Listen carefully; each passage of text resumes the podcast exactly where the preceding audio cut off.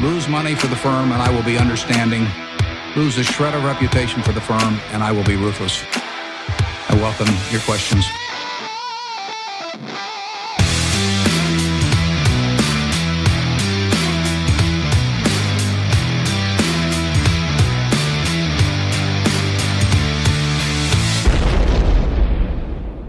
Välkomna till Kvalitetsaktiepodden. Det är jag som är Ola. Ja, det är jag som är Klas. Eh, Det här är avsnitt nummer 57 som spelas in torsdagen den 19 december och fredag den 20 december. Ja, och publiceras gör det först den 26 december. Ja, det är väl annandagen även i år va? Ja, det blir annandagen. Eh, vi kör lite datum här för att vara lite transparenta. Vi gjorde intervjun som ni snart kommer före igår. Ja. Och så sitter vi och spelar in här den 19 då och så spelar vi in idag den 20. Så när vi pratar, det har hänt säkert massor till Ja. den 26 så då framstår ju vi som idioter om inte vi berättar det här.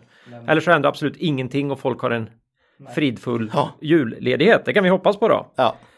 Otroligt enkelt upplägg i podden idag. Mm. Ett bolag, en vd. Ja, Vi har, hade kan vi säga frågorna. Han hade svaren. lyssna själv. Ja, Och det är ju då AQ Groups VD Anders Karlsson här som... mm. tog oss upp genom landet till Västerås här igår då. Ja, En Aros. liten roadtrip. Mm. Och eh, träffade AQ Group, Aros Quality. De har ju till och med kvalitet i, i namnet här va. Så det passar väl bra. Ja, byggt upp här på, sen kom igång 94. Har byggt upp ett bolag som nu omsätter 5 miljarder. löpande. Mm. Det är väl skapligt? Ja, det är bra. Bra jobbat. Ja, Så hoppas att det är att ni tycker det är intressant. Eh, annars kan man väl säga att det har varit ett fantastiskt börsår. Det är ju 30% upp ungefär då med några få handelsdagar kvar här. Och eh, ja, man får väl se vad nästa året nästa år har liksom att erbjuda. Men det är alltid ett blankt papper. Man kan ju bli lite orolig sådär när de, liksom de sista pessimisterna har gett upp och packat ka- ihop. kap- kapitulerat. Ja. Va? Då, då, då, då brukar det alltid vara lite fara och färde. Men alltid ett blankt papper. Mm. Hitta bolag mm, som är välskötta till rimliga värderingar. Så blir det ofta bra över sikt. Och hittar ni inte det så får Ja, ni väl sitta- spela golf. Ja, sitta på händerna. Ja. Så att, eh, ja, det är väl så. Vi, vi kommer ju fortsätta nästa år med. Mm. Får vi se vad det har eh, att erbjuda. Ja, var vi, var vi hamnar till slut då. Ja, Ja, eh, innan vi hoppar på intervjun här vill vi bara hälsa från några goda vänner. Så här i juletider. Eh, Cavalier då. Har vi med oss som vanligt då vår huvudsponsor. Eh, för er som inte har ett privat pensionssparande. Jag skulle säga det finns väl inget bättre tillfälle än att sätta sig ner och titta igenom utbudet och starta ett sånt under julhelgen. Precis, och missa framförallt inte Cavaliers, eh, den här nyinkorporerade investmentbolagsfonden. Den har ju gått riktigt bra här eh, under 2019 och, och framförallt sista tiden då den var toppfond såg jag på Avanza. Ja, de har Eh, twittrat om det. Och det kan ni se om ni följer eh, Cavalier på Twitter. Eh, och då är det viktigt att komma ihåg att historisk avkastning i fonder inte är någon som helst garanti för framtida avkastning. Nej, Så är det. sam, sam, samma sak i aktier kan man säga. Ja, det är Ja, oerhört likt. Ja, Så är det. Ja, Ja, tack säger vi till vår huvudsponsor Cavalier AB. tack. Mm. Och ni som har följt oss ett tag vet ju att vi också då har vår underbara samarbetspartner Börsdata. Mm. Värdeinvesterarens bästa vän. Ja, de har ju nyligen lagt till då en koppling till den fundamentala analysen på sin eh, nya terminal. Man kommer till den i börs, borsdata.se slash terminal då. Eh, jag gick lite åt dem där senast för att inte den var uppe än, men nu är den på plats då. Så intill företagsnamnen i screenern finns det en bock. Där kan ni välja om ni vill gå till analyssidan till exempel. Som jag då brukar eh, börja med. Mm. Kanon! Ja, ja. Så, så nu känner vi, vi värdeinvesterare oss riktigt hemma igen här. Mm. Eh, och då finns det också en riktigt bra exportfunktion nu då. Där du kan exportera ut screenen hur lätt som helst rakt in i Excel. ja, det är ju grymt. Ja, Och dessutom kan man väl säga att Anders Karlsson, vd AQ Group, ja. berättar för oss här att han hade tecknat ett, ett halvårsabonnemang. Så Ja. att, eh, det är jättekul. Det ja. är många som gillar börsdata. ja nej, det är in, intressant för de flesta Ja, att titta där. Så tack Börsdata! Tack! Mm. Och innan vi går vidare i avsnittet vill vi påminna våra lyssnare om att aktieinvesteringar alltid innebär ett stort risktagande. Aktier kan både gå upp och ner i värde. Satsa därför aldrig kapital på aktier som du inte är beredd att förlora. Det vi säger i podden ska aldrig betraktas som köp eller säljrekommendationer. Gör alltid din egen analys av bolaget innan eventuell handel. Ja, då kör vi intervjun helt enkelt. Ja, Eh, Rakt upp och ner, inga krusiduller. Kom ihåg då att AQ är ju med i år igen i vår buy and hold portfölj. Så lyssna noga så tror jag ni förstår varför. Ja, vi sitter då här i Västerås faktiskt, eh, denna fina stad med VD Anders Karlsson för AQ Group. Välkommen till podden. Tack så mycket. Eh, Ja, vi åkte upp från Linköping i morse och eh, ganska fint jullandskap här. Ja, det förändrades i höjd med Norrköping någonstans. Uppe i Katrineholm börjar det bli riktigt fint och här uppe är det ju fantastiskt väder. Ja, det var härligt att se lite vitt på marken, även om det mest var frost då. Ja, är jättekul att vi fick till den här intervjun så här före jul och eh, ja, vi kan väl börja lite, kanske att du kan berätta om dig själv, lite om din bakgrund och hur du hamnade här i AQ. Ja, eh, Anders då heter jag. Och vad kan man säga? Jag har eh, ja, växt upp i Västerås faktiskt. Eh, det var inte planen att hamna i Västerås, men det blev så. Pluggade på KTH, maskin, produktion, industriell ekonomi. Eh, och sen kom jag tillbaka till ABB och, och var eh, sån här elevingenjör som det kallas, eller trainee. Trainee, mm, just det. Och hamnade väldigt fort på det som heter relays då, eller reläsektorn på ABB. Därifrån också då Claes Mellgren och P.O. Andersson kommer. Så jag började produktion och jobbade där i 5, 6, 7 år. Då. Och gick sen vidare till andra delar inom ABB. Men jag kan säga jag har jobbat väldigt länge på ABB. Ja, men jag har varit på fyra olika ställen som sinsemellan är väldigt olika. Och jag började väldigt mycket produktion. Så jag har jobbat jättemycket produktion. Mm. Och under den här tiden då så har jag varit ganska nära AQ. Eh, Claes och PO, då, de grundar ju AQ då. Exakt, Mm. och, och de har varit leverantörer till, till mig hela tiden och jag har outsourcat en verksamhet till dem en gång i tiden och sen har vi köpt mycket saker från dem och jag har även i mitt senare liv på ABB levererat mycket komponenter till AQ. Eh, för jag gled liksom från produktionssidan över i affärer och försäljning och sista tiden på ABB så jobbade jag som säljare av elektrifiering då liksom i hela norra Europa. Så att eh, jag har med mig en väldigt bred erfarenhet från alla typer av jobb Just på det. ABB, vilket passar ganska bra på AQ. För AQ har ju många affärsområden och AQ har många kunder. Så det är ganska bra att ha den här breda bakgrunden när man är chef på AQ. Och, och, och PO och Claes köpte inte riktigt grisen i säcken här då när de tog in dig när de skulle så att säga ta ett steg tillbaka. Eh, De kände dig sedan lång tid tillbaks. Ja, men vi har inte... Vi har, ja, vi, vi har De jobbat kände ihop. till dig, De kände till mig. Ja, just det. mm. Ja. Och, Eh, eh, ja, och du bor här i Västerås? Jajamän. Ja. Mm.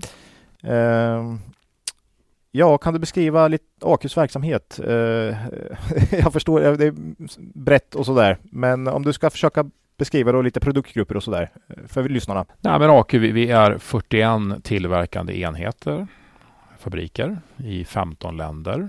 Och vi, eh, jag brukar skämtsamt säga ibland att det är mycket prat om digitalisering, automation och programvara och sådana saker liksom och AI och allt vad det är. Men, men vi är ju de som fortfarande håller på med produktion av Ja. hårdvara.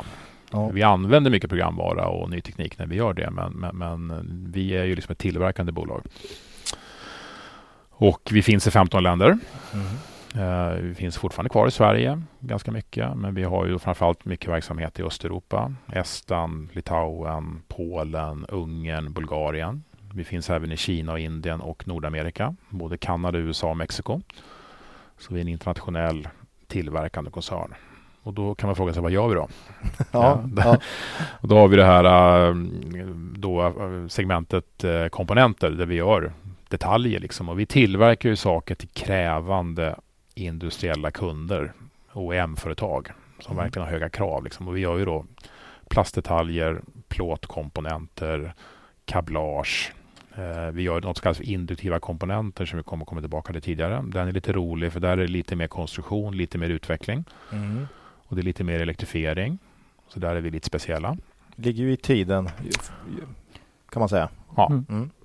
Och sen har vi då även det här, det här segmentet eh, system. Vad, Eh. vad gör ni där? Där, gör vi då, där monterar vi automationsskåp. Så vi bidrar väldigt mycket till automation genom att göra själva automationsskåpet. Det. Eh, och sen så bygger vi hela maskiner. Så vi kan ju bygga eh, kompletta maskiner till kunder.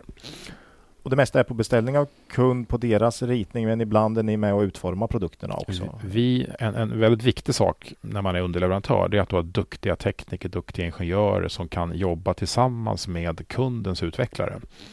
Mm. För man vill ju liksom tillverka en så kvalitetsmässig och kostnadseffektiv produkt som möjligt och då behövs det folk som kan produktion. Och de måste vara med i utvecklingen. Det. väldigt nära liksom utvecklarna hos kunden. Så vi älskar ju när vi får vara nära kunden och, och utveckla och berätta hur man ska konstruera. Förstår det. Mm. Ja. För då kan man göra en bättre lösning för kunden. Plus att mm. det blir ju en, en ska man säga, en bra relation. Man får ju en nära relation till kunden. Ja. Eh, och det, det, är lite svårare då att byta kanske till någon annan om man har varit med och har ett väldigt stort förtroende för, för AQ då, till exempel. Ja.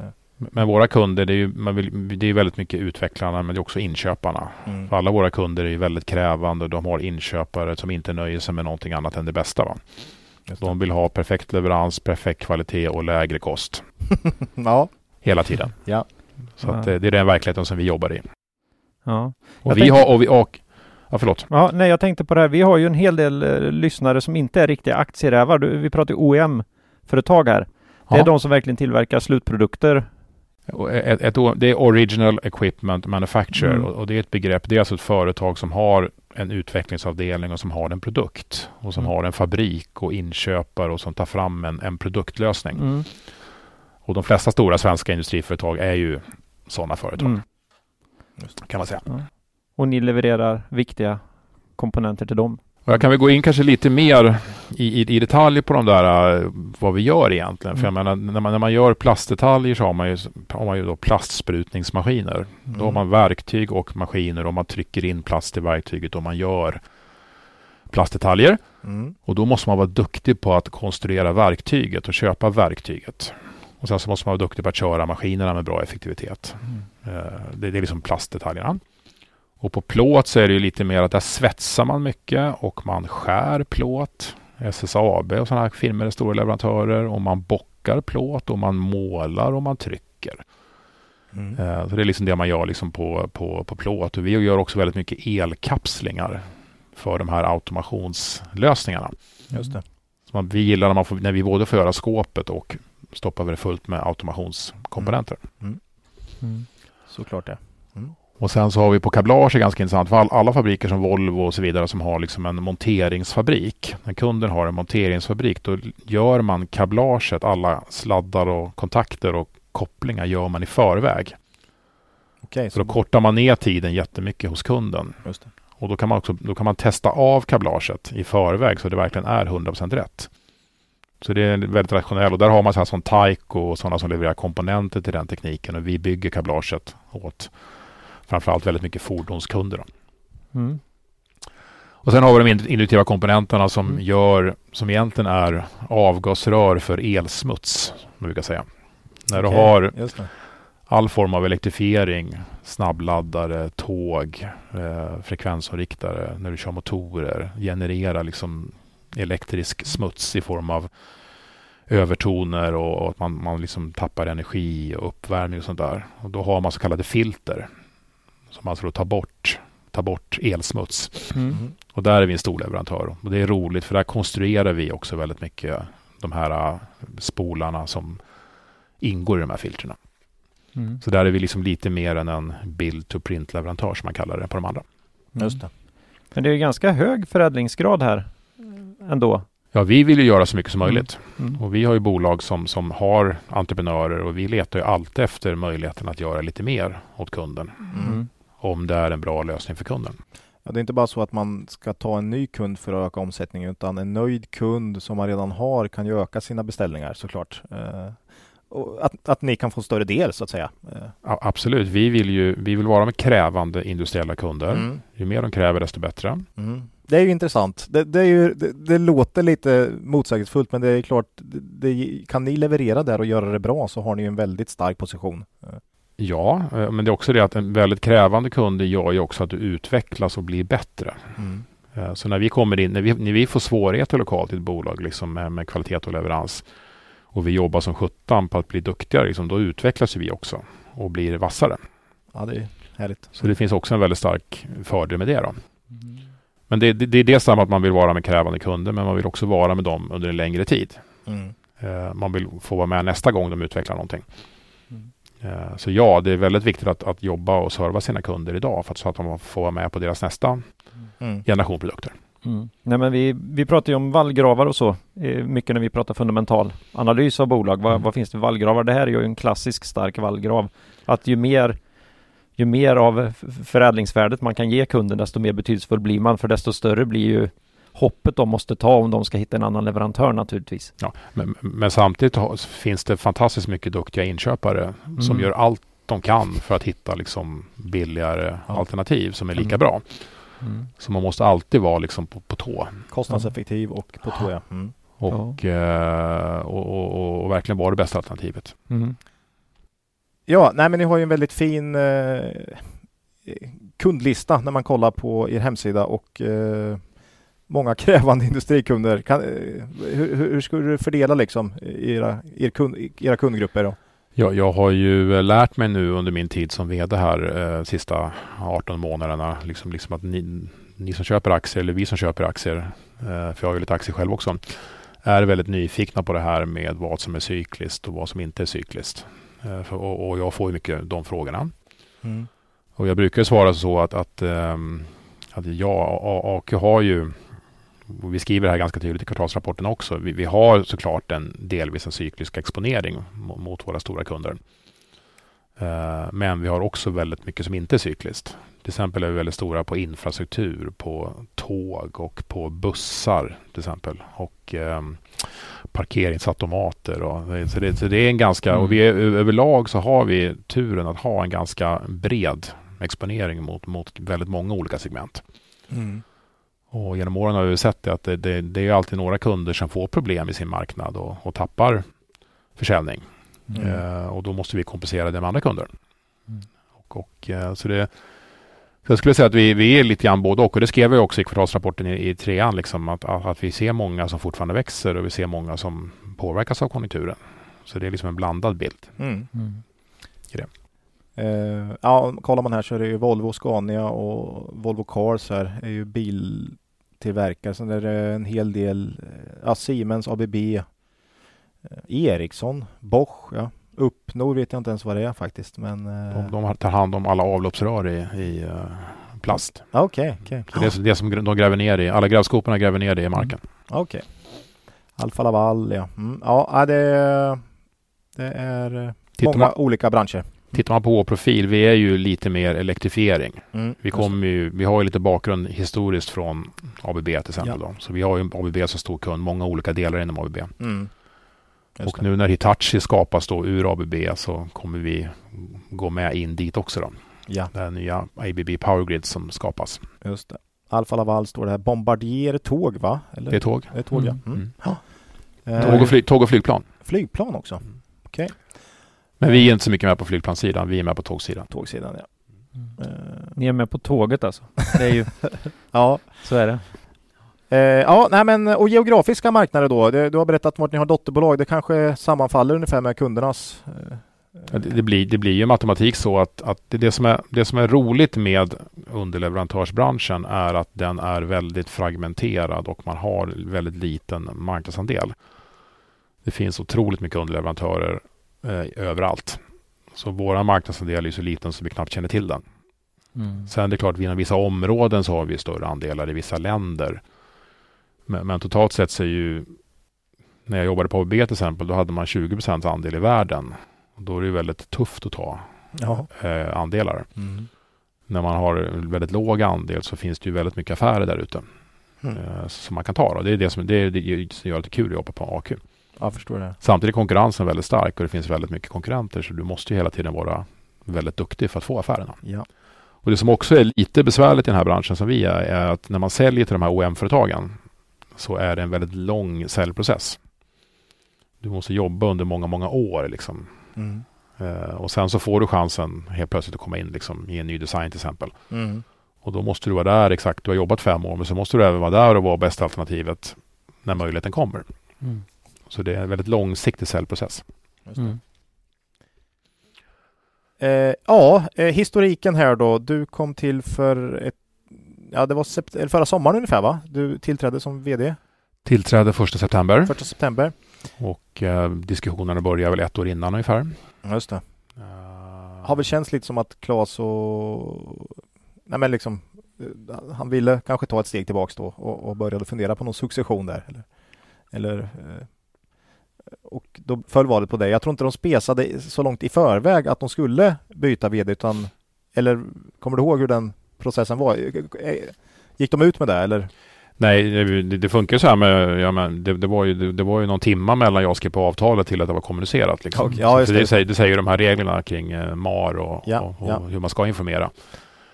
Men jag kommer Eh, inte ihåg om det var så att de, spe, att de berättade om att det kanske är någon, liksom, de flaggade för att det skulle vara någon succession här på gång i, i AQ. Men nej, De- kanske de de- inte gjorde innan i rapporterna. AQ hade en extern VD tidigare. Eh, Ja, just det, För före sju, åtta, sju, åtta år sedan. Ja, just det. Just det. Pio var VD Mm. och sen så var det en annan VD ett tag. Sen kom Claes in som VD i, i 8-9 år och gjorde ett väldigt bra jobb. Just det. Mm. Och sen så vågar de sig på då och plocka in mig. Och, och, och Ja. man kan ju fråga egentligen var- varför då? då? Mm. Men det är väl kanske lite grann för att AQ har ju fantastiska värderingar och en fin resa och har gjort ett bra jobb liksom. Men Mm. AQ blir ju större och större. Mm. Och, och, och eh, så man behöver kanske, vi, vi- vi, mitt jobb och min uppgift är ju att bibehålla styrkan i företaget. Och det som är bra. Men samtidigt kanske då göra det ännu bättre. Just det. Och det behövs kanske lite, lite mer struktur, lite mer ledning, kanske sprida ledningen på lite fler händer och fötter Mm. och huvuden. Mm. Ja, Eh, det är ett stort företag. Det är fem miljarder i omsättning. Så att, eh, N- när företaget då blir lite större. just det. Eh, Och det, och då har jag- det är också, vi har ju nu, vi har skapat sex affärs, vi har skapat affärsområdeschefer som, Okej. som jobbar liksom med, med de olika delarna lite mer. Mm. Jag har kommit in och gjort, jag har gjort lite mer kring, kring eh, kapitalfrågan, lager och förfall mm. Mm. och så vidare. Och sen så gäller det framförallt som vd så måste man skapa ett bra ledarskap och en bra spirit i företaget så alla kan göra ett bra jobb och prestera. Absolut. Så det är väl ehm, Eh, de ja, delarna. Just det. Eh, ja, här, vi, att, Jag hoppar, gr- grundfrågan är egentligen, jag menar ledningen har väl rekryterat, de gör väl en, styrelsen gör ju en vd-rekrytering för att de vill få ännu bättre fart på det. Ja. Och så är det upp till mig då och mina kollegor att visa att det blir så. Mm. Eh, ja, framgångsfaktorer här. Eh, ni har ju som sagt en fin historik här. Eh, men jag tycker du har besvarat många av dem redan då. Krävande kunder och vara nära. Men jag vet inte det här med leveranssäkerhet och eh, ja, men om du skulle försöka få ner de här liksom grundläggande viktiga sakerna för att ni ändå har lyckats så pass bra som ni har gjort då. Man kan säga A- AQ har ju Först av allt, vi, vi tror ju väldigt mycket på att man ska ha liksom starka lokala verksamheter med en bra chef lokalt som är entreprenöriell och verkligen driver sin verksamhet som om det är ett eget företag. Och de flesta företagen vi konkurrerar med är ju sådana företag. Så alla våra konkurrenter är också lokala och, och små och snabbfotade och entreprenöriella. Så vi måste också vara så. Då. Och eh, nyckelfaktorn är ju, framgångsfaktorn är ju egentligen, tror jag väldigt, väldigt mycket att man har den här decentraliserade kulturen och bra värderingar där man låter människor lokalt driva frågan. Och sen som underleverantör så måste du, det är våra värderingar då. Våra värderingar på AQ det är ju väldigt mycket kundfokus. Eh, och kundfokus innebär ju att du We are rel- reliable brukar ni ju. eh, Ja, köra. men vi har ju egentligen fem hu huvudsakliga kundvärderingar och, eller värderingar och, och kundfokus är den viktiga och det säger ju alla företag i hela världen att de är kundfokuserade och alla har den värderingen. Ja, Men, men det handlar om hur du på allvar lever den värderingen varje dag. När kunden har ett problem eller när, kund, när det finns en möjlighet med kunden. Liksom, så, så då måste man helt enkelt jobba med kunden och inte med någonting annat. Och den värderingen handlar ju mycket om att liksom, man måste ju se till att man får ju försaka en del av det andra då så att man verkligen har tid med kunden. mm. Det är den värderingen på AQ. Ja. Den andra värderingen som, som är lite kul är också enkelhet. Att man ska få mål och göra saker och ting så enkelt som möjligt. Mm. Eh, och den är lite grann på stick på stäv kanske på, med min förra arbetsgivare. Eh, som ibland har en tendens att ha väldigt bra processer ja. som kanske inte alltid driver enkelhet. Uh, och sen är det det här med entreprenörskap. Entreprenörskap handlar om att liksom ta möjligheter när de kommer. Och sen handlar det om att också ta snabb ta ta, att, att vidta åtgärder fort när det behövs liksom, och ta beslut fort lokalt. Så att, så att exempel, nu, nu, nu när det är en marknad som, som går ner på en del kanter liksom, så, så måste ju då den lokala ledningen ta beslut om att minska personal och dra ner på ytor och kostnader. Och, och det ska de göra själva. Det ska inte vi komma med direktiv från huvudkontoret. Nej. Utan det ska ske ändå och fort. Just det. Och sen måste man ju då som underleverantör också vara kostnadseffektiv. För vi har ju väldigt hög konkurrens. Vi har väldigt duktiga inköpare som vi jobbar med. Som vill ha det billigaste priset hela tiden. Eller konkurrenskraftiga priset. Så man måste vara väldigt konkurrenskraftig. Mm. Så vi måste hela tiden se sätt att minska kostnaderna. Jag tror en framgångsfaktor är ju att AQ har ju varit tidiga in i Östeuropa. Mm, just det, det var Och väldigt vi tidigt. gör ganska mycket arbetskraftsintensiv produktion. Mm. Och vi gör ju det i länder med lägre lönekostnader. Så det har ju varit en framgångsfaktor också att vi Mm. väldigt tidigt, AQ gick ju in väldigt imponerande eh, i Bulgarien då 1994-95 Ja. och hittade en fantastisk liten fabrik som inte hade någonting eh, men väldigt mycket bra människor. Och lyckas lyfta den fabriken då liksom till, till väldigt hög kvalitetsnivå och har levererat alla de här krävande OEM-erna Mm. runt om i Europa. Imponerande. Så det är ju en del i Framgång. kostnadseffektivitet. Men det gäller ju även i svenska bolag. Vi har fortfarande kvar mycket verksamhet i Sverige. Mm. Även där måste man vara försiktig med slantarna. Mm. Ja, det är en liten ett tips är ju och för de av våra lyssnare som inte har läst några AK-rapporter ska man läsa er Q3 här där ni tar upp ert 25-års jubileum och har en ganska så uh, snärtig genomgång av de här 25 åren måste jag säga. Den är väl, väldigt uh, bra. Mm. Uh, väl, välskrivet. Kul att du säger det, för det är jag som har skrivit den. ja, det, det trodde jag nästan var något Ja, i, Nej, vi har- in, jag- in, inköpt. Ja. Vi har en ganska liten koncernledning på Mm. AQ och man har dubbla roller. Så all, alla här har liksom, han som är, håller på med förvärv till exempel, Per, han, han jobbar också med IS-IT-frågor. Och, mm, mm. och jag är förutom VD även kommunikationschef och, Mm. ja det är väl och så när man Investor relation och lite, lite Mm. andra roller. Mm. effektiv organisation och korta. Eh, ja, ni skriver också att i Q3 här, om vi går tillbaka till den, att eh, mattas av lite och man har ju sett det på många håll i, när man läser både Dagens Industri och kvartalsrapporter. Hur, eh, hur hanterar ni tider med liksom lite lägre ekonomisk aktivitet och vad, vad, hur jobbar ni, jobbar ni annorlunda i, i sådana tider än i, i bra tider och, och hur kan man liksom anpassa sig till den typen av situation? Eh, Nej men till exempel, det, det, vi skrev ju i kvartalsrapporterna under förra året ganska mycket liksom att det är, det är väldigt mycket organisk tillverk. Det är jobbigt att köpa komponenter. Leverantörerna hänger inte med. Eh, Vi får jobba mycket med leveransfrågan med våra kunder och, och Mm. kämpa. Det är klart, det blir ju nu lite, lite lugnare. mm. Eh, och då finns det också möjligheter att jobba mera med andra frågor. Så att, så att, men den viktigaste passningen när, när tiderna blir kanske lite mer oroliga och lite sämre, liksom, då måste man jobba mer med försäljning och jobba med att hitta nya kunder. För det är ju då ganska mycket, ganska många av våra kunder ser över sina leverantörer Mm. och, och jobbar med att hitta andra alternativ och, och då gäller det att vi får vara kvar som leverantör till våra kunder och så kanske vi kan vara det andra alternativet Just det, hos Eh, andra kunder då. ja. hos andra kunder. Just det. Så jag tror den allra viktigaste passningen är det. Och sen måste du givetvis jobba med dina kostnader fort. Mm. Jag menar om volymerna går ner så måste tyvärr vi anpassa oss fort. Mm. Till, till, eh, och vi har ju tyvärr gjort, genomfört många varsel här under de sista månaderna för att anpassa oss till en lägre volym. Just det. Men det här görs ju då lokalt av de här entreprenöriella vdarna och de gör det fort. Mm. Eh, det är liksom, vi tar, vi kommer inte med order från högkvarteret utan det här är redan gjort. Mm. Man brukar säga på aktiemarknaden att förmögenhet skapas i sämre tider. Eh, det vill säga det är då det skapas lägen. Eh, och ja, ja men det är Mm. väl lite det att man ska ta tillvara på, på de tiderna eh, så bra som möjligt. Mm. Gå, gå, vara en vinnare, vinnare i det läget. Jag tänkte också på sälj, säljet är ju väldigt, väldigt viktigt här då. Det är ju viktigt när det går bra för då gäller det att ha den här nära kundrelationen och allt det här och det är viktigt när det är tuffare på marknaden för då gäller det att hitta nya kunder och, och, och verkligen utveckla de man har. Är de, där är det ingen centralisering heller utan de sitter också ute i varje respektive eh, bolag då. Exakt, så det, säljförsäljningen ägs av det lokala bolaget. Sen har vi då givetvis sådana som jobbar på det, det vi kallar för affärsområden Mm. som då stöttar de lokala bolagen och hittar möjligheter. Och det, det, det, det, försäljning är ju att det kommer en ledtråd, liksom. då måste man ju få den till rätt person. Mm. Och så måste man stå på tå och verkligen vara det bästa alternativet och man måste vara konkurrenskraftig. Jag, min erfarenhet är ju att det är en väldigt, väldigt bra struktur för det finns ofta en övertro på det här med kors, korsförsäljning och så här men den kan man ju hitta för får man förtroende bara i, i en sån här grupp så kommer det ju börja bli korsförsäljningar av sig självt för att folk tycker om varandra och då ringer man gärna varandra och, Mm. och tipsar liksom. Mm. Så att, eh, Och, och det här, många av de här kunderna jag läste upp förut här är ju globala kunder också. Så att man kanske har det som kund på ett ställe men inte på en annat. Och, Här måste, man, här måste man vara lyhörd för hur kunden vill ha det. Mm. En del kunder vill ha centraliserat account management och cross-selling. Och då måste vi matcha upp mot det. Mm. Andra kunder vill jobba lokalt mot varje Mm. fabrik. Så man måste vara lyhörd och lyssna på hur kunden vill ha det. Mm. För kunderna är också lite olika här. mm. Ja.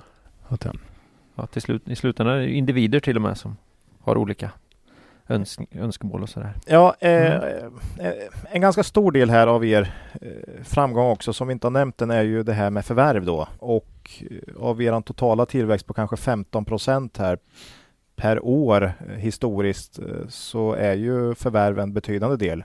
Mer än hälften liksom. Hur, hur jobbar ni med, hur, ser förvärvsprocessen ut och, och vad letar ni efter för typ av bolag och sådär? Eh. Ehm, vi, vi har ju en förvärvsstrategi som vi också kommunicerar. att Vi vill ju liksom in i nya geografiska områden och marknader. Eh, vi vill kanske förvärva bolag som har väldigt bra kunder. Eh, vi kan följa med våra kunder ut i världen. Det har vi gjort flera gånger. Så att vi levererar inte bara från europeiska fabriker. Vi kanske förvärvar någon leverantör till våra kunder i andra länder. Eh, men man kan säga att det, det förvärvsprocessen, det kommer ju, inte minst nu när vi är börsnoterade då, så kommer det mer idéer. Det kommer hela tiden ett flöde med bolag som är till, är till salu. Och då har vi liksom en filtreringsprocess kring det såklart. Eh, vi tittar på lite olika parametrar. En del mera, mera liksom, eh, kvantifierade och en del mer kvalitativa. Mm. Sen är ju styrelsen också en väldigt viktig spelare här. Jag menar, vi har ett väldigt bra samspel och dialog med styrelsen. För innan man går vidare med ett förvärv så måste ju de vara med på noterna också. Mm. Så att det sker en, det sker en filtrering av det som dyker upp och så pratar vi med styrelsen, inte minst Claes och PO. Just det. Eh, och sen gäller det också att man går ut och letar lite själv i Mm. marknaden. För alla bolag är ju inte till salu. En del bolag är ju inte till salu. Då måste man ju leta upp själva. Via nätverk och kontakter och, Just det. och så. Och får de inse att de är till salu då? Va? Ja, och får de inse att de är till salu till Ja. Ja. Så Mm. att, eh, och så, och, jag, jag tror de som jobbar med förvärv kan intyga det att inget förvärv är det andra likt. Liksom. Nej. Det brukar vara väldigt olika bakgrund och situation. Och, och förvärv handlar ju väldigt mycket också om människor. Absolut. Och, men så här utifrån så eh, tycker jag mig ändå se någon, något skifte från jämfört med kanske 10-15 år sedan då det var lite mer förlustverksamheter verksamheter som man kunde inkorporera eller liksom vända kanske medans de senaste årens förvärv har varit mer eh, liksom redan vinstdrivande bolag, lite, lite mer framgångssagor och man har betalt mer då också. Mm. Eh, Är det en, är det en, en rätt tolkning så att säga? Det, det är nog en he, he, helt korrekt analys som jag också Ja. delar. Ja, ja. Mm. Eh, intressant. Eh, det blir dyrare men det minskar ofta eh, risken lite då, är väl min kommentar där. Men det kan ju också dyka upp. eh, Det är, ingen, det är ingenting som talar om fra- framtiden. är alltid osäker. Så det är kan, det. kan ju dyka upp vad som helst. Mm. Så är det. Då kan jag kasta in en följdfråga här då. Mm. Ert senaste förvärv, om inte det har hänt något här på vägen upp här, så är Trafotech. Eh, vad sysslar de med som ett litet exempel på ett sånt här förvärv? Det är väldigt spännande förvärv som jag har jobbat mycket med. Då. Och det började och jobba med redan innan jag började. Men jag tog över och har jobbat då tillsammans med Per, våran ma ansvarige och styrelsen och genom, genomfört det förvärvet. Då. Och Traftech är ju ett eh, bolag som är ganska stort. Det är ungefär 10 av vår omsättning. Mm. Och eh, vi lånade pengar för att köpa det då. Ökade vår skuldsättning något. Eh, men fortfarande på relativt rimliga nivåer. Mm. Eh, Jag har haft ganska bra kassaflöde i år också väl. ja, Så att det, har hjälpt, det har hjälpt till. det hjälper, hjälper Ja. till ja. Mm. Och, eh, men Trafotech är ju då, ett, de gör alltså de här induktiva komponenterna. eh, som då avgasrör för elektrifiera, elektrifieringsutrustning. Och, och där kan man dra storyn då att, att ehm, den fabriken som vi började med, Enköping, som gjorde de gjorde induktiva komponenter och gör induktiva komponenter till då gamla ABB. Väldigt mycket till tågsidan men också till industrin i Sverige. Eh, Medan det här företaget Trafotech startade ungefär samtidigt i Finland. Och de har levererat väldigt mycket induktiva komponenter till det som kallas för drives inom eh, ABB. Mhm.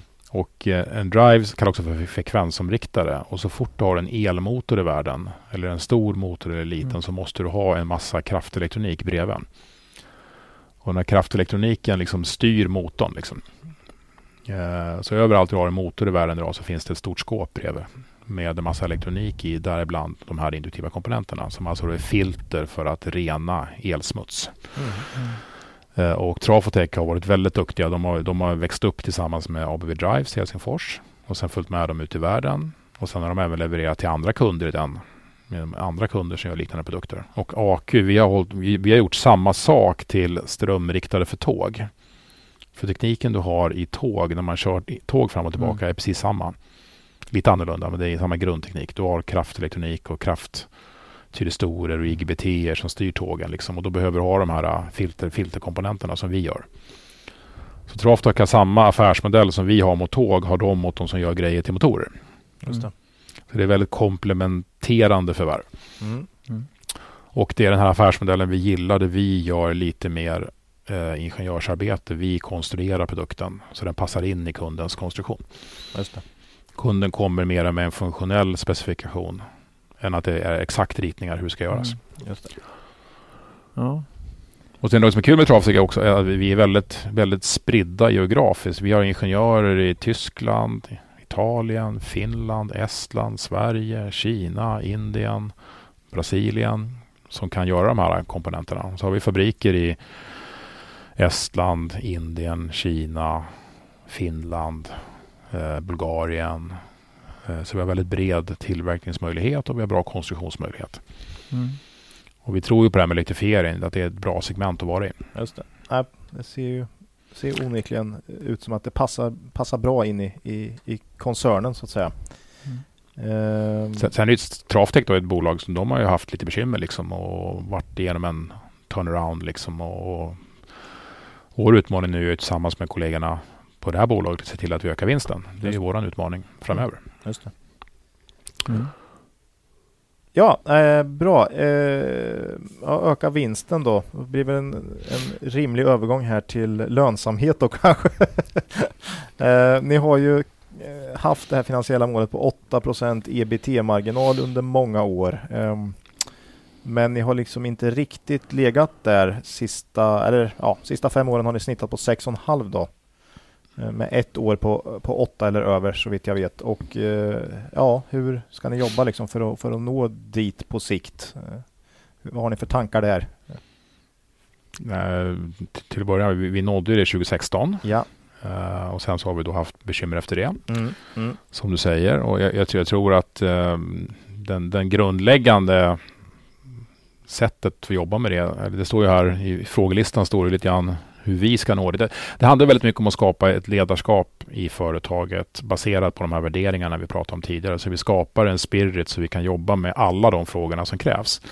Mm. För det finns ju inte en, En faktor som... faktor utan det, det är kanske 500 grejer som du måste göra bättre. Mm. Mm. Eh, på många olika sätt i många olika bolag för, för, för att nå den här vinstnivån. Så det handlar väldigt mycket om ledarskap och människor och de här värderingarna. Hur vi kan liksom göra mer rätt saker. Hitta mer volym, hitta mer kunder, göra ett bättre jobb för kunderna. Så det finns inte ett svar på den nej, frågan. Nej. Det är ofta man hör den där, det är, eller det är väldigt sällan man får en, en anledning så att säga, eller en sak, för, för då borde den vara gjord redan. om, om det fanns något, något, något väldigt enkelt svar så att säga. Eh, Men, Och, och eh, det är en värdering vi inte har pratat om förut. Den femte värderingen liksom, Okej. som jag tror också är viktig i det här. Och det, är det, det vi kallar vi för mod och respekt på svenska. Men den värderingen handlar jättemycket om att man måste säga som det är. När man har ett problem så måste du, du ska inte ägna dig åt att förklara varför det gick som det gick. Liksom. Du ska jobba med att lösa problemet men du ska vara väldigt tydligt med att en annan del i det är det här med att man ska rapportera dåliga nyheter fort. ja, Mm. Den Så brukar att- ju vi gilla. Så att, man, så att man liksom kan börja jobba med det. Då. Ja, jag tänkte ta den förut när du sa att de är autonoma, dina underchefer. Warren Buffett har ju alltid sagt det. Du behöver aldrig berätta för mig när det går bra. Det får jag reda på. Det kommer jag se i siffrorna. Men ring så fort någonting är, Mm. är mer än vad du känner du kan hantera. Liksom. Mm. Och den står i, i våra värderingar. Bra. Era kvartalsrapporter historiskt har ju också ofta varit en uppräkning av saker som inte har gått särskilt bra. Till skillnad mot många andra bolag man, man, man läser kvartalsrapporter med så så även om det bara var en enda positiv sak under eh, det gångna kvartalet så är det ändå den man för fram och sen så får man liksom försöka gissa sig till de här. Men AQ har verkligen historiskt lyft fram det dåliga, det som inte har gått bra trots att siffrorna kanske på sista raden har sett ganska okej okay ut. Så, så där, eh, det tycker jag verkligen att ni, att ni jobbar bra med. Ehm, förra året bland annat eh, var det ju en del jobbiga grejer då ni fick eh, omstrukturera eller lägga ner eh, till och med något bolag ni satt i konkurs under 2018. Mm. Eh, kan du berätta lite om, eh, om det och varför det gjordes och, och så vidare? Jag nämnde ju, vi hade ju 41 fabriker och, och, och, och ledningen före mig gjorde ett otroligt bra jobb. De, de eh, tog tag i de här problemen och jobbade med dem på lite olika sätt faktiskt. Och det var lite olika natur eller karaktär på de här problemen också. Så att de gjorde en bra åtgärdsplan in, innan jag började då, som jag sedan har fått fortsätta liksom, eh, tillsammans med de lokala ledningarna. Och egentligen var det fyra ställen som vi hade stora problem med. Mm. Uh, och en av dem lyckades, lyckades vi vända själva. Uh, där, där jobbar vi liksom med, med, med, prisökningar och produktivitet och besparingar och, och hel, hela paletten av åtgärder. Och där har vi lyckats vända en, en rejäl förlust till någonting mycket, mycket bättre. Uh, sen hade vi en, vi startade ju en fabrik i Thailand. Just det, just det. Vi följde med en kund till Thailand.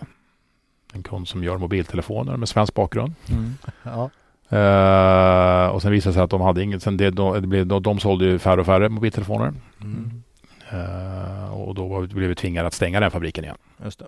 Vi kunde inte ha två fabriker. Vi gör fortfarande de här komponenterna till, till den här kunden liksom i Kina. Då. Det läste jag, ni flyttade ja. över. Eh... Så det är en typ. Sen hade vi en annan, en annan, en annan. Sen är det egentligen två verksamheter. Jag menar, AQ har gjort då 25-tal mm, förvärv och de flesta har gått väldigt bra. Mm. Men det är ju så när du tar risker ja. i affärsverksamhet så går det inte alltid bra. Liksom. Och, och det är väl två av de här fabrikerna är väl exempel då på förvärv som sen inte har blivit bra. Mm. mm. Och, och, här skulle jag vilja poängtera att vi har varit väldigt uthålliga. Ja, så vi har kanske, vi har, vi har, det skrev nog Claes till och med att han var för uthålliga. Mm. Mm. Uh, men vi försöker ju verkligen vända och göra det här bättre organiskt. Och vi lyckades i de här andra casen. Men, men då var det ju den här fabriken i, i som låg innanför grindarna i Ludvika på ABB. Mm. Där flyttade vi ut produktionen till andra AK-enheter. Uh, och vi gjorde även en lite mindre satellit i, i Smedjebacken nära Ludvika. Och sen hade du det här stora caset då som var det absolut största smällen. Mm. Uh, för, för, det var ju en otroligt smärtsam och jobbig och dyrbar metod. Men det fanns ingen annan väg ut för AQ. Mm. Och vi försökte under 8-9 år att verkligen vända den här fabriken. Mm. Uh, och klarade inte av det. Och det berodde inte heller på en sak. Det berodde på många saker. En del så, så att uh, vi, men vi har, man kan säga, vi har lärt oss väldigt mycket. Det har jag hållit på tillsammans med organisationen. Vi har jobbat väldigt mycket med lärdomarna och det här, ni som gillar good to great liksom, har ju läst att man ska göra sådana här autopsy. Mm. Mm. Man ska göra obduktioner på sina problem. Mm. Och det har vi verkligen gjort noggrant och försökt lära oss hur det här inte ska hända igen. Just det. Så det, det är liksom en viktig del i mm. åtgärdsprogrammet också. Mm. Det är lite kopplingar till aktiemarknaden här känner jag också. Med, man investerar i, i många olika bolag. Eh, det är risk. Det, är, det finns risk med investeringar och alla kan omöjligt gå bra. så är det ju. Mm. Eh, och det gäller, vi brukar prata i, i podden mycket om att det gäller att lära av sina, sina misstag. Mm. Så att, eh, ja. och, och, inte välja att tolka Ja, det, autopsy var väldigt bra. Det är ju lite det vi ägnar oss åt. Får nästan lite kritik för det ibland, för folk vill inte fatta att man haft tur. Vi vill också, vi, vi ser att vi kan förlora pengar på en affär. Den var fortfarande rätt. Vi kan tjäna pengar på en affär och den var fel. I, eh, vid investeringstillfället så var det rätt, mm. men det blev fel. Så, så kan det vara. Mm. mm. Så att, eh, och, och, så är det också. Det kan ju mycket väl ha varit helt rätt när man gick in, men sen så var det något som hände och då gäller det att snabbt kunna mm. ta tag i det och se, mm. kan vi vända det här så att säga. I Thailand blev det ganska tydligt då när man har för få, för få kunder och den försvinner. Ja. Då blir det jobbigt. Eh, bra. Eh, vi, vi har ju pratat organisation här Ja. jättemycket. Det har vi gjort. Eh, och vilka beslut era, eh, era respektive dotterbolagschefer får ta och sådär, typ allt. Ja, väldigt mycket Eh. ligger ute som jag har förstått. Ja, vi- har ju, vdn i ett lokalt bolag har ju liksom en instruktion som är signerad där det står vad han har för mandat eller vad hon har för mandat. Mm, mm. Eh, vi har faktiskt en hel del duktiga kvinnliga vdar ute i, framförallt i kablage. Okej. BA så har vi mycket duktiga. Känns som det här är så här riktigt industritung verksamhet med mycket män eh, historiskt. Men eh, det kanske... Nej, jag tror det, det, Bra. vi har, vi har, det kan ni se också i mängden män kvinnor. Det är Mm. ganska 50-50. Ja, vad kul. Eh, sen finns det givet, givetvis har vi problemet som alla andra då att det är, lite, det är för lite kvinnliga chefer. Ja, just det. Just det. Eh, så den, den frågan eh, jobbar vi också med. Och vi ser också bra, väldigt bra resultat där vi har kvinnliga chefer, att det går bra. Ja, ja. Eh, Men, men sen det här med organisationen. Det finns ju saker som de inte har mandat att göra. Till exempel investera kapital. Där är det andra som är med och Mm. har synpunkter på var man allokerar kapitalet. Men Mm. verksamheten? i- i Verksamheten sköts med väldigt stort mandat av den lokala vdn. Mm. Så är det. Sätt, men sätt, sätts det liksom eh, förväntningar eh, centralt på, på dotterbolagen och budget? Och Jajamän. det, så, så, Ja. så förväntningar eh, har ni ju på verksamheten så att säga. Sj- Självklart. Ja, ja Mm. just det. Mm. Och, eh, men sen tittar jag i Insan koncern. Det finns ju då det finns ju funktioner som är väldigt naturliga huvudkontorsfunktioner. Till exempel treasury och finans och låna pengar och sådana saker. Och förvärv. Och, Mm. och vi har drivit inköp bra från eh, huvudkontoret här. Eh, för att hälften av det som vi, ska man vara underleverantör så, det har vi inte pratat om än, men inköp är också en otroligt viktig del. Mm. Eh, och hälften av våra kostnader är också inköp. Ja, just det. Så vi, men det är roliga, vi har många bra kunder som har många, många bra inköpare hos kunderna som lär oss hur man ska jobba med inköp. Så vi försöker tillämpa det Ja, själva då? med våra leverantörer. Och det görs härifrån Västerås då mycket? Nej, det Nej. görs i bolagen också. I- Okej, Men där har vi styrt och drivit förbättringen okej, från koncernen. okej. För vi hade ju, det här är ju som en eh, tanke här. Jo, jag har För försökt nästa- lägga dem ja. i rätt ordning här. Just det här, eh, hur är ert beroende av enskilda underleverantörer? Det är man ju alltid intresserad av som, som aktieägare. Är det så att ni... Nej, och vi är inte Nej, utan vi har ju väldigt mycket leverantörer. Men det är klart inom varje område så de som gör, de som gör plåtkonstruktion till exempel, de har ju beroende av vissa stora stålverk. Men den, samtidigt så är det lite överutbud i den marknaden Mm. på, på plåt. Så att eh, det finns ju möjligheter att förhandla och jobba där också. Det finns många som haft det tufft vet jag. Kanske inte i år, lite sämre ekonomisk aktivitet, men 2017-2018 vet jag att många hade komponentbrist runt om i, i när man läser om industribolag. Mm. Eh, Så att det är en fördel med att det inte är så extremt högt tryck också på något sätt ibland. Absolut, och det, det, som händer är ju att må- många komponenter görs ju i automatiserade maskiner som går och när de har slår i taket på dem, Mm. eller när lever- våra leverantörer slår i taket på, på automatiserade liner som går dygnet runt och helgen liksom, då tar det liksom en stund innan man adderar kapacitet. Mm. Och det är det som skapar de här allokeringssituationerna i marknaden. Men är klassikern vi lägger på ett extra skift här eller? Vi, ja, det, det funkar inte riktigt. Då. Vi är ju inte där, för Ja. vi, vi har ofta den flexibiliteten Mm. kvar. Men Mm. de som gör sådana här små kontakt, kontakter till kablage till exempel, Mm. de har ju automatliner som står och mosar. Mm. Och när de står i taket så tar det ett tag för dem att bygga en maskin till. Mm. Och så ska de våga ta den investeringen också för då ska de ju tro att det här är någon slags uthållig nivå också. Så- Precis, så och att det, och det är det som skapar de här materialbristsituationerna hos våra leverantörer. Mm. Men det brukar alltid i slutändan gå att få tag på komponenter Mm. om man jagar. Ja. Nej, så det, ni, ni, det är inte så att ni har en stor enskild underleverantör som du tänker att det här, de här måste jag alltid hålla mig väl med varje dag, utan ni har en stor bukett av underleverantörer och alternativ. Svar ja. Ja. Men, men varje bolag måste ju jobba med sina leverantörer. Ja, ja. Där kan det vara lite mer så. Mm. Mm. Just det. Att man är mer beroende av någon leverantör. 50 procent av kostnaderna ligger på inköp. Eh, då, ja, då, tänker jag direkt på Men valuta. det, men, det, men det är liksom en grov... Ja, ja, liksom. Mm. Det, Nej, men ändå det- men, men det roliga är att det, det, brukar En- inte, det brukar inte vara så långt från den siffran i Nej, alla nej. bolag. Just det. Men då tänker jag direkt på valutakurser här på något sätt. Och hur, det, hur det slår och hur ni jobbar med, med säkringar och ja, ni har ju försäljning i mängder av olika valutor också. Eh, hur, hur tänker ni vad gäller valuta? Och, och det görs från Västerås antar Jag jag? tror, jag tror det står lite här i rapporten. Ja, det. Jag får, får, får, måste kolla nu så jag Ja. inte säger någonting som inte stämmer. Nej men skämt åsido, det, det, är ju, Ja. det är ju viktigt att man har, att jobbar och skapar naturliga Mm. säkringar. Ja. Så har du en kostnadsbas i euro så vill du ju fakturera i euro. Just det. Just det. Men för Så det, gäller ju, det gäller ju allt och det är fördelen när man är en större koncern att du får ju matematik liksom en, en, en spridning av valutaexponeringen Just det. operationellt. Känns ju inte som ni har extra, okej, eh, omsättningen går ju upp om, om, om liksom euron stärks och, och, och dollarn stärks och sådär. Eh, Men ni har liksom mängder av olika valutor, både inköp och, eh, och försäljning. Mm. Medan de koncerner som drabbas hårdast eh, i upp och nedgång är ju de som säljer kanske en valuta och köper in, man säljer i Sverige och köper in i dollar då till exempel. Eh, Mm. Men, eh, men mycket inköp måste ni ändå göra i dollar antar jag. Eller det kanske också Nej, är vi, mycket, vi, vi, mycket köper, nej, vi köper nog Ja, jag, jag, jag kan inte säga någonting för jag Nej. kan inte den siffran i huvudet. Nej, Liksom. nej, men nej. men, men det, vi, vi, vi köper i många olika valutor Ja. Mm.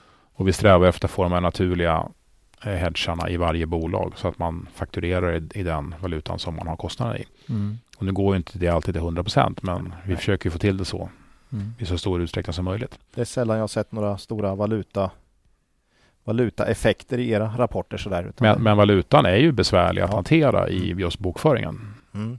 Och det är ju många spännande effekter. Liksom. Du fakturerar i en kurs liksom, och sen får du betalt tre månader senare. Då blir det ju antingen en vinst eller förlust. Mm.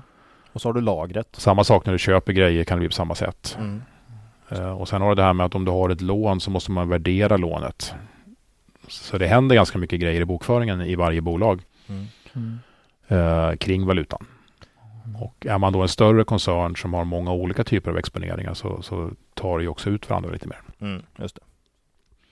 Bra. Eh, Ja, jag Men det, är, inte- men det är definitivt en parameter som alla bolag måste ta hänsyn till. ja, Ja, jag vet inte hur mycket vi varit inne på konkurren, konkurrenssituationen här. oh, ganska mycket tycker jag med, Ja. med lokal hård konkurrens och eh, finns det några stora jättar då som ni alltid sådär. Du sa att det var ganska fragmenterad marknad här och, och man, man tampas med lokala konkurrenter på något sätt. Men Ja, sen är ju, alltså AQ är ju, vi är ju, vi, vi tillverkar allt brukar jag säga.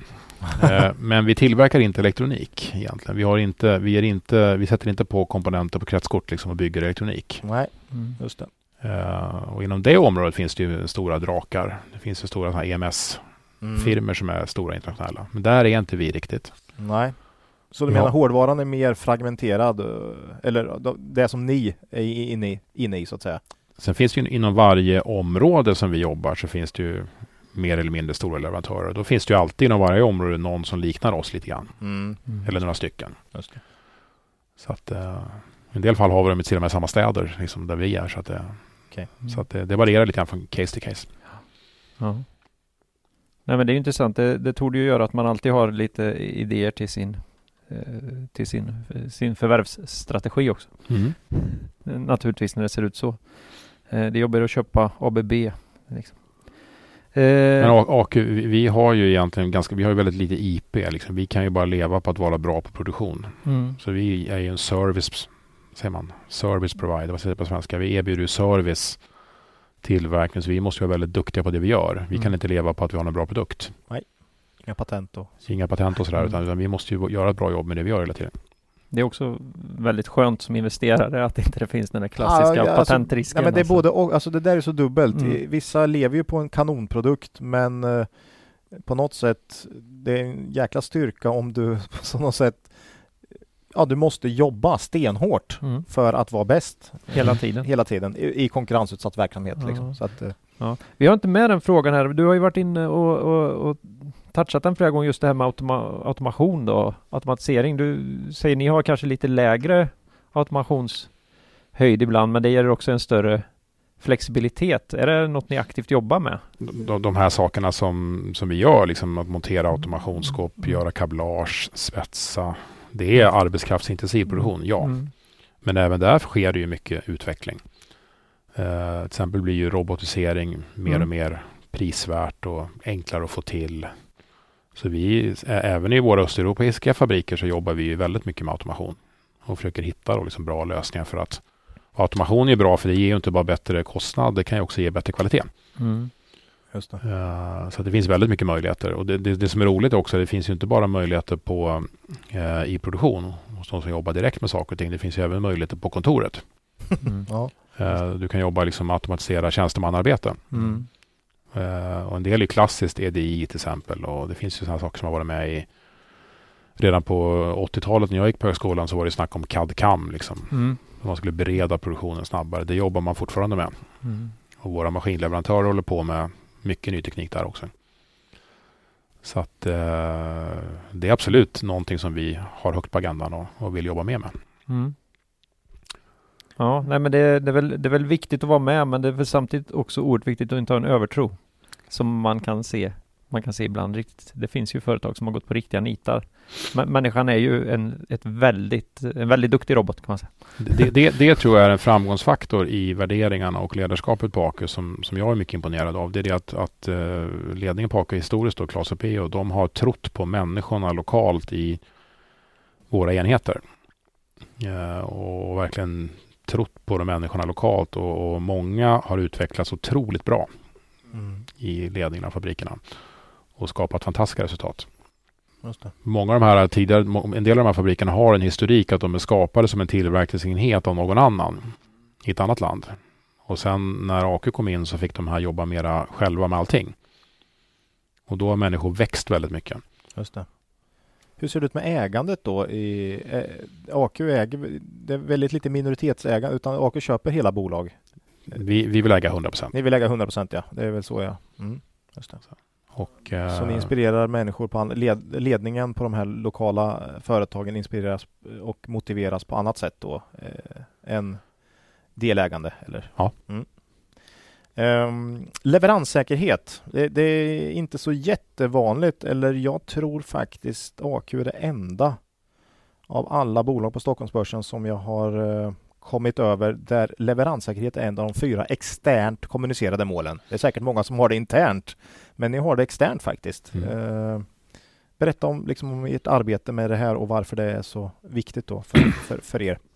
Alltså, när, när du jobbar som underleverantör så du måste ha väldigt bra kvalitet, väldigt bra leverans och du måste ha en väldigt bra attityd och vara responsiv när det dyker upp saker. Och ju bättre, eh, bättre performance, jag vet inte om det var det fordrar man ska använda det på svenska, men det är väl ju bättre resultat du har på leveranskvalitet och liksom stå på tå när det behövs.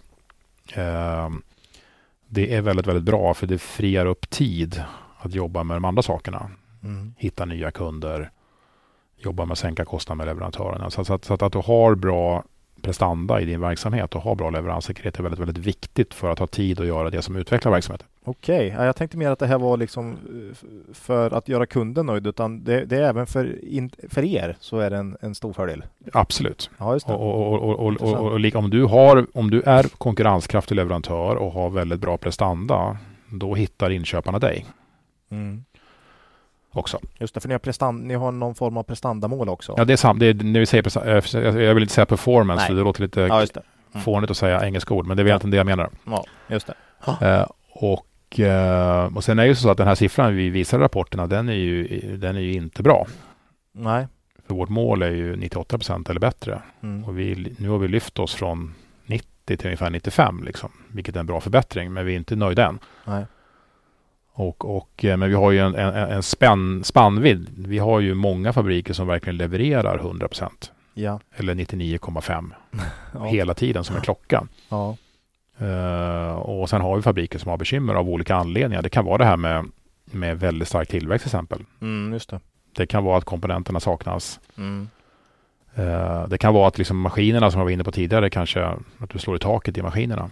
Just det. Eh, så det finns olika anledningar till varför man inte levererar i tid. Men du måste ju jobba med att få bort dem Ja. steg för steg. Ja, det finns ju en eh, sån... Och sen, sen en annan sak, förlåt. ja, ingen fara. kör. Jag har jobbat väldigt mycket med produktion och i början och var väldigt mycket planering. Det handlar ju om att ju, ju, ju snabbare du, när du planerar, ju mer du kan liksom gissa om framtiden, ju mer du kan din kund, eh, ju snabbare du reagerar när det händer någonting i efterfrågan, desto bättre kan du leverera i tid. Mm. Så du tar beslut fort. Just det. Nej, Kanske blir lite för nördigt här om vi kommer in lite Ja, för mycket på men här, här, i den här podden är blir det aldrig, ingenjörer här, det så- blir aldrig för nördigt. Nej men klassiskt så sa man ju det här då när Just In Time var som hetast här och nu är vi nästan 25 år tillbaka i tiden än han var på universitetet. Mm. Eh, då var ju just där man, lager skulle hållas nere till varje pris. Och det kom ju sedermera med en ganska rejäl kostnad just i leveransproblematik. Hur, Ja. hur ser ni på den? Man, ni kan knappast vara rädda för att ha lite lager om ni satsar så hårt på att vara så leveranssäkra. Svårt det där. Ja, Det är Dyrt med lager Ja, men samtidigt så kan du tappa kunder om du inte har produkter att få fram. Vi, vi har ju den fördelen som underleverantörskoncern att vi har bra soliditet och en stark finansiell position. Eh, och det gör ju att vi kan jobba på, på ett annat sätt än kanske en lokal leverantör som har kämpat med kassaflödet eller likviditeten. Just det. Så, så att det, det är ju en styrka på att vi har bra soliditet. Men sen det här med just in time är ju rätt fascinerande för det finns ju otroligt häftiga eh, vi har ju enheter på Aku som levererar till till liksom en bussmonteringsline. Så levererar de på minuten ett färdigt kablage. som är olika varje gång. Ja. Det är olika komponenter och sladdar och märkningar på varje kablage. Det ska levereras då 10.07 och sen ska nästa levereras 10.22. Uh, och sen ska man leverera liksom 10.41 det tredje liksom. Och, och där har vi fabriker som har levererat i tid i 10 år. Eh, Ja, är ju- och, då, och så har de dessutom då leverantörer som inte levererar i tid. Så, så att det, det går verkligen att få till det här om du är duktig på ett väldigt bra sätt. ja, då har vi betat av det mesta. Ägarlistan här kan vi väl ta någon, någon, eh, någon fråga om här också. Det, är ju, det domineras ju här av de här grundarna då. Mm. Claes Mellgren och Per-Olof eh, Andersson. Eh, hur, hur mycket kontakt har du med, med dem eh, nu då? Jag vet att de sitter i styrelsen, men ja, De är väldigt aktiva ägare. ja, och de är med i styrelsen. Och det som är roligt för mig är att jag har inte bara dem i styrelsen. Jag har en väldigt bra styrelse, alla sju. Där vi har Patrik med lång erfarenhet av, av många olika bolag. också rel... Nej, han... Han har varit med i AQ tidigare men gick ur av integritetsskäl, kom tillbaka. Okej, just det. Han har varit på Atlas Copco, på Dividag och på ABB. Ja. Eh, sitter i ett antal styrelser. Mm. Och är styrelseordförande nu i AQ. Ja. Ja. Och eh, sen har vi även eh, Lars Rebo som har jobbat mycket inom bilindustrin. Eh, och så har vi eh, Gunilla Spång som har varit CFO på flera olika bolag. Enea om ekonomen och sådär. Och sen har vi Annika Rosengren som jobbar som HR på Bombardier. Och så har vi Ulf Gundemark som har varit med i, i, ehm, i AQ från, sen från början. Så att det är en väldigt bra styrelse och, och som alltid så jobbar jag väldigt mycket med styrelsen när det behövs då. Bra Men sen ska jag göra jobbet själv också så det gäller liksom att gö- göra det man ska själv och sen använda styrelsen när, när, när ehm, de kan bidra. Just det, jag kan tänka att just eh, Claes och PO då, eh, som har jobbat med det här så oerhört mycket eh, som VD också, båda två väl? Per, PO var väl Ja. också det en gång i tiden här. Eh, Så är man kanske, de kanske är extra nyfikna och ringer lite oftare än, än vissa andra då, men nej, det är klart ni har Men de har, de har varit ett väldigt starkt radar på en väldigt stor inspirationskälla. Ja. Jag har lärt mig otroligt mycket mm, sista ett och ett halvt åren. mm, Eh, och, och, eh, men sen finns det även andra ägare. Va? Vi har ju Odin Fonder, vi Ja. har eh, de här Fidelity som heter någonting annat i ägarlistan, Brown and Harris. ja, just det, Eh, så har vi lite, har vi Nordea och, och, och så vidare. just det, just det, Och eh, alla andra då som köper aktier. just det. Vi bland annat då. På Avanza och Nordnet, där kan man, Ja. det är de flesta som handlar. Ja, ja, just det. Ja, Ja, eh, vi börjar ju eh, nå slutet här då, som vi håller oss fast här vid, vid eh, bolagsfrågorna då. Jag tycker det är något vi har missat här nu, som du känner att det här måste man veta om AQ, som vi inte har tagit upp här. Nej, jag tycker nog att vi har fått med det mesta. Mm.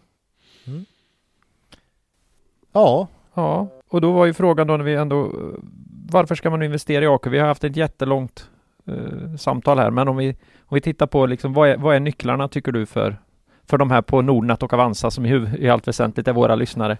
Vill, vill du ha en bred exponering mot tillverkande OEM-företag, både till viss del cykliskt men också väldigt mycket infra och andra, andra icke-cykliska delar.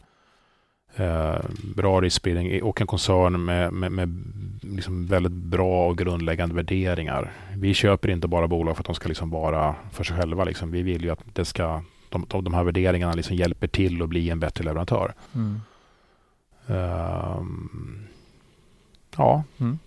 det, det är också lite, jag tycker lite, lite kul det här. Jag, jag menar, det är väldigt mycket prat om digitalisering, automation, AI och robotar och allt vad det är. va? Men någon måste ju fortfarande tillverka saker. Mm. ja. Men folk har en tendens att glömma bort det ibland. Jag tycker det är mysigt. ja. Ja. Och, och väldigt många i världen tillverkar fortfarande saker. Mm. Och använder saker har vi märkt också. Ja. Mm. Och det är klart, man, vi kanske inte, man kanske också måste nämna det här med hållbarhet och sustainability. Liksom. Det är, det är så, alla måste ju bidra till, till en mer hållbar värld och mindre koldioxidutsläpp. Eh, Så det har vi kanske inte pratat om och det måste ju även vi göra. Så Mm. vi kommer jobba konkret nu i varje bolag med att försöka hitta fler idéer om hur vi kan bidra också på vår kant. Till det då. Våra, kund, våra kunder är den här frågan avgörande och väldigt viktig. Och den är viktig också för oss. Mm. Så det är är väl värt att nämna som en liten slutkläm. Mm. Det där, har jag, där har jag en fråga tillbaka direkt. Vi har börjat prata mer om, mer om det och det är ju en marknad som måste bli till det här med fjärrmöten.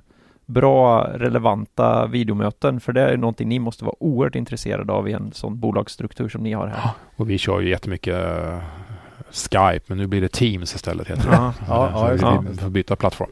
ja nej men det, det sker en utveckling där och den, en, en dag så inser man att det går alldeles lika bra att sitta här som att träffas fysiskt. Då kan man träffas någon gång per år för att man vill ju fortfarande känna lite grann på varandra och sådär. Men, men äh, ja, det, det är på väg. Man måste ju ta de här besluten liksom, eh, när man verkligen behöver ha ett fysiskt möte eller inte. Mm. Ibland så måste man verkligen ha riktiga möten. Mm. Men, men de flesta mötena kan man, inte minst interna möten, kan man köra. Med video. Eller, eller med ljud. Eller med ljud ja. Mm. Ljud och dator. Just det. Ja. Ja, eh, sista frågan då. Vad gör du under helgerna här? Får du ledigt något eller? Nej, till att börja med så måste man ju vila upp sig. För Ja, att det är ju rätt krävande att jobba liksom. Och, och, och det tar ju sin, tar ju sin kraft liksom. Så att det, det, som är, det som är, julhelgen är ju en bra period för återhämtning. just det. Och just nu tyvärr då så är det ju, dagarna ligger ju så att det blir, det är en, det är en så kallad arbetstagarjul. Ja, Mm. det har vi pratat om i podden också. En, en del. Ja. Så att, eh, och det det är ju kämpigt när man ska fakturera. Mm. Men, men å andra sidan så kanske det ger lite tid till efter, det ger lite tid till, till återhämtning och vilande. Just det. Mm. Så vi kan komma igen och köra full fart nästa år. Just det. Ja, tack Mm. så hemskt mycket. Ja. Eh, mycket trevligt. Ja, tack själva. För jag kan prata om AQ i 10 timmar och 100 timmar. Ja. Ja, ja men det här Jag är väldigt tacksam för den här möjligheten att få berätta lite mer om oss. Tack så jättemycket. Mm, Ja, tack. då önskar vi dig en god jul. Tack samma. Ja, tack för det Anders. Eh, Jättetrevligt. Ja, det var ju... Ja, vansinnigt anspråkslöst huvudkontor.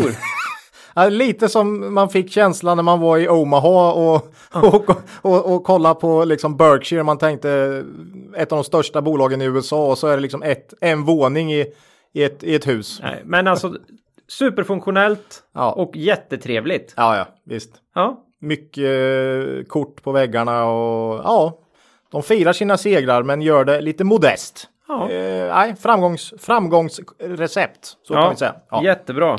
Eh, och eh, ja, det är vad vi hade idag. Så nästa avsnitt, avsnitt då. Det kan bli precis vad som helst. ja. Vi tänker ta ledigt nu och så får vi se vad vi, vad vi skarvar ihop. Och då blir det den åttonde onsdag då, den 8 januari. Så det är väl lite tidiga där. ja. Jag har lite andra åtaganden sådär i början, början på året också. Mm. Eh, ja, vi kanske ska spå börsutvecklingen det kommande decenniet.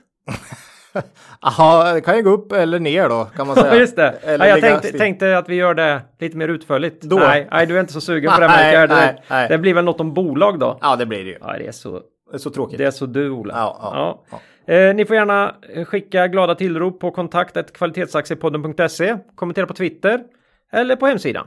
Ja, tror vi faktiskt är i kapp med svar på, på vår mail här nu. Ja, vi har ju en liten nyhet på hemsidan också Ola. Ja, vi har ju startat då en liten webbshop så att säga. Ja. Eh, Eller ska man säga vi lägger ut det på tredje part. Ja. Som fixar det mesta åt oss och eh, dessutom tar det mesta av vinsten här. Men eh, Nej, men det är väl lite Ja. kul va med, Ja. med någon grej som det står kvalitetsaktiepodden ja, på. och det är lite så. En kul grej att kanske ha och, och så. Så nej, vi gillar det. Ja, Där kan man köpa lite roliga prylar och förhoppningsvis ska vi få fram lite, lite mer prylar efterhand. Och dessutom kan man då om man känner att man vill då eh, skänka en slant eller ge en gåva då om man tycker att det vi gör är, är bra. Eh, och känner att man vill stötta det. Ja. Så, så kan man eh, göra det också. det finns alla möjligheter där. Mm. Eh, ja, och eh, har man någon idé om någon, någon pryl man skulle vilja ha Mm. så eh, kan ju skicka in förslag på mail till exempel. Ja, det är mycket det här med, med badrelaterade grejer då. Det, får, Ja. det får vi ju såklart. Eh, Vi ska försöka. Mm. Vi hade någonting på G där, men då, då kom det från USA med, med, med tull Med tull ja. och grejer. Det var inte så bra. Nej, Vi- klart, vi du ska- får väl sätta det och, och sy badlakan själv då. Det- Ja, jo, det, det, det får bli så. Ja, så gå gärna in då på kvalitetsaktiepodden.se och klicka på vår lilla butik. Ja. Kanske ni hittar något roligt. Det blir ju inga julklappar, men jag tror inte de hade varit lämpliga. Man vill ju att folk ska bli glada när de får. När de får sin julklapp. ja, ja. Ja. Så att det här det här blir bäst för alla, Ola. Ja, det, att det blev så här. Ja. Eh, ja, och eh, ägande då, Ola.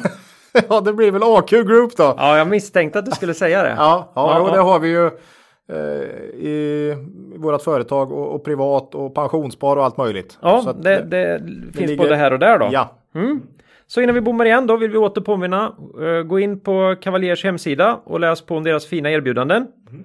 Eh, och utöver det då vill vi önska alla våra lyssnare ett gott nytt börsår. ja. Ja, och så vill vi som vanligt be dem komma ihåg att Det är först när tidvattnet drar sig tillbaka som du får se vem som badat naken. Lose money for the firm and I will be understanding. Lose a shred of reputation for the firm and I will be ruthless. I welcome your questions.